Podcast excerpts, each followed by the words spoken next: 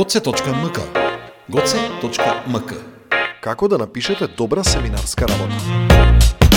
Многу од студентите, особено бруцошите, се во дилема кога станува збор за пишување на семинарска работа.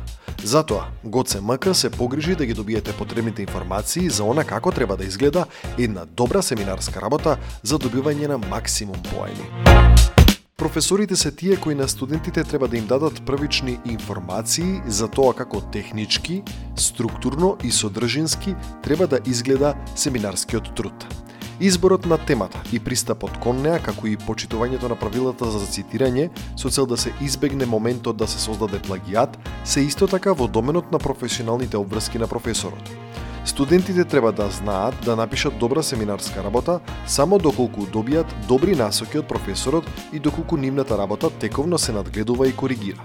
Самите професори знаат дека доколку им дадат само наслов на темата без соодветни насоки, студентот тешко се снаоѓа и прибегнува кон неприфатливи и погрешни решенија, смета доцент доктор Ана Витанова Рингачева, професор на филолошкиот факултет на Универзитетот Гоцелчев во Штип.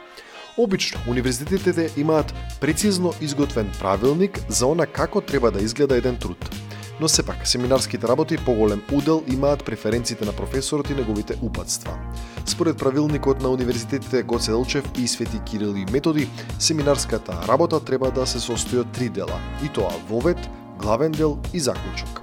Универзитетите се согласни во тоа дека литературата од која ги црпиме податоците и фактите е од круцијално значење. Како да креираме добра семинарска работа? Најпрво треба да започнеме со поставување на план. Во кратки црти, напишете ги најважните подточки на кои сакате да работите. Извлечете го најважниот клучен збор и напишете поднаслови. Ова ќе ви помогне во креирање на параграфите. Истражувајте поголем обем на литература користете извадоци од повеќе различни книги или веродостојни веб страни на интернет. Ова ќе ви помогне за да го проширите видикот и да не се ограничувате на информации од првиот извор кој што ќе го најдете. Секогаш следете и упатствата кои што ви се дадени во поглед на фонт и големина на букви, проред, маргини и така натаму.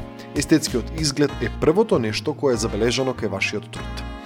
Користете фотографи. Не гледајте само да го копирате текстот, да ја завршите семинарската за 5 минути. Фотографиите овозможуваат подобар естетски изглед и одмор од големите параграфи текст. Подкрепете ги вашите изјави и истражувања со статистички податоци. Користете табели, графикони, диаграми. Секогаш стремете се воведот и заклучокот да ви бидат најмокните делови од вашата семинарска работа. Обично овие два дела се круцијални за привекување на вниманието на читателот. Како да дојдеме до соодветна литература за истражување? Често пати им кажувам на студентите дека најубавите извори за нивната тема се наоѓаат под текстот на посочената референца, долу во фуснотите. Најчесто како извори се користат книги, стручни и научни публикации, трудови објавени во научни списанија од домашни или странски автори, зборници од конференции, симпозиуми, научни собири и секако електронските извори на бази на податоци. Со новите алатки на студентите и истражувачите им се достапни така наречените електронски банки на дисертации, вели професор Витанова Рингачева. Што е пример за лоша семинарска работа? Семинарски труд кој што не ги задоволува техничко структурните параметри, форма, обем, распоред на содржина, цитирање, фусноти, прилози, користена литература, представува пример за непочитување на основните правила за пишување на истиот.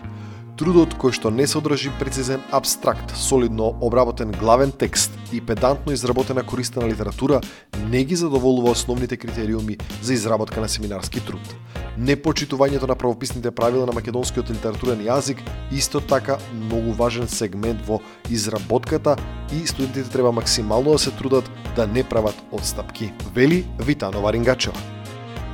Според професорката, студентите често знаат да искористат и препис, при што нивниот труд е всушност плагијат. Таа смета дека професорите лесно ги препознаваат ваквите трудови и повеќе ги ценат трудовите за кои студентите на вистина се вложиле во процесот на истражување и креирање. Како професорите ги оценуваат семинарските работи? Во семинарскиот труд доаѓа до израз зрелоста на студентот, неговата креативност, но и подготвеност суштински да навлезе во длабочината на темата што ја истражува. Основните критериуми за оценка на семинарскиот труд се издадени од застапеноста на следните сегменти – Под 1. Структура на трудот. Под 2. Содржинска поставеност и пристап кон темата. Под 3. Почитување на правилата за техничко обликување на трудот. И под 4. Почитување на правописните правила на македонскиот литературен јазик, вели професорката Витанова Рингачева.